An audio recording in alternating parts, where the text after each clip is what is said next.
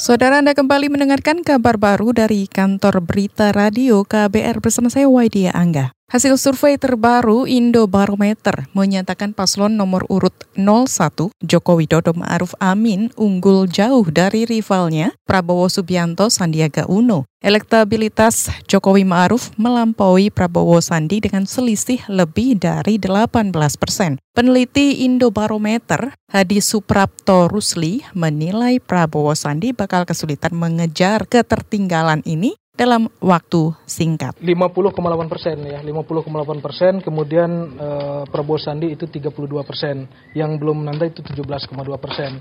Kalau kita belajar dengan pengalaman 2014 lalu, kita pernah melakukan proyeksi. Jika angka yang tidak memutuskan itu kita hilangkan, kemudian kita distribusikan secara proporsional, maka Indobarometer memproyeksikan jika tidak ada kejadian yang luar biasa, maka hasil Pilpres 17 April nanti itu angka 61,3 dengan 38,7 persen. Peneliti Indobarometer Hadi Suprapto Rusli menambahkan Jokowi Ma'ruf perlu mewaspadai ancaman golput. Kemenangan Jokowi Ma'ruf bisa batal jika angka golput menembus 40 persen. Kita ke berita selanjutnya, Komisi Pemberantasan Korupsi melakukan pemeriksaan perdana terhadap tersangka kasus suap PT Krakatau Steel. Selengkapnya bersama reporter KBR Mutia Kusuma Wardani. Komisi Pemberantasan Korupsi telah melakukan pemeriksaan perdana terhadap tersangka kasus dugaan suap pengadaan barang dan jasa di PT Krakatau Steel, Wisnu Kuncoro. Direktur Produksi dan Teknologi PT Krakatau Steel itu merupakan satu dari empat tersangka yang telah ditetapkan KPK. Tiga tersangka lain adalah pengusaha Kenneth Sutarja, pegawai Cokro Group Kurniawan Edi Cokro, dan Alexander Muskita. Perkara suap ini terkait proyek pengadaan barang dan peralatan PT Krakatau Steel pada 2019 dengan nilai masing-masing 24 miliar rupiah dan 2,4 miliar rupiah. Dalam proses perencanaan muncul kesepakatan untuk memberikan uang komitmen sejumlah 10% dari nilai kontrak.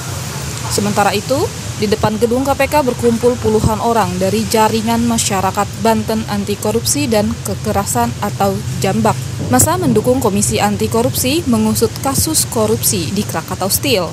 Mereka mengklaim membawa sejumlah dokumen terkait perkara suap itu dan bakal diserahkan kepada KPK. Dari Gedung Merah Putih KPK, Jakarta, Mutia Kusumawardani melaporkan untuk KBR. Kita beralih ke berita lainnya. Terdakwa kasus penyebaran berita bohong atau hoax Ratna Sarumpait menyatakan tak keberatan dengan jumpa pers yang digelar Prabowo Subianto. Namun Ratna keberatan hadir dalam konvers tersebut. Hal ini diungkapkan Ratna untuk menanggapi keterangan sopirnya, Ahmad Rubangi, dalam sidang lanjutan di Pengadilan Negeri Jakarta Selatan hari ini. Ahmad mengaku mendengar Ratna mengatakan tak setuju Prabowo menggelar jumpa pers soal penganiayaan terhadapnya. Ya perasaan itu keputusan dari perasaan saya saat itu. Oh, ya, gitu. bahwa beliau-beliau mau bikin jumpa pers, itu haknya, saya nggak berhak untuk melarang. Tapi saya pribadi nggak nggak ingin ikut. Mungkin saya lagi lagi stresnya masih lebih tinggi. Saudara Ratna Sarumpait didakwa menyebarkan berita bohong tentang penganiayaan terhadap dirinya. Ratna melaporkan penganiayaan itu kepada Prabowo dan ditindaklanjuti dengan menggelar jumpa pers. Prabowo mendesak pemerintah mengusut tuntas penganiayaan terhadap Ratna. Belakangan diketahui lebam dan bengkak di wajah Ratna bukan akibat dianiaya tetapi efek operasi plastik.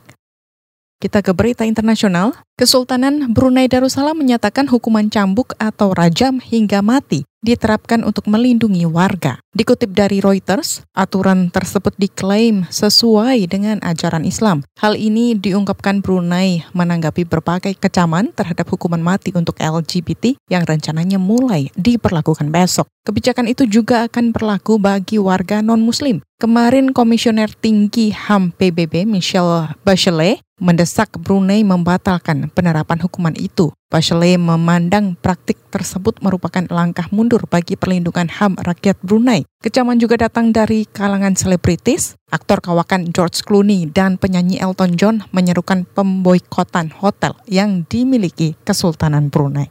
Saudara, demikian kabar baru dari KBR, saya Waidia Angga.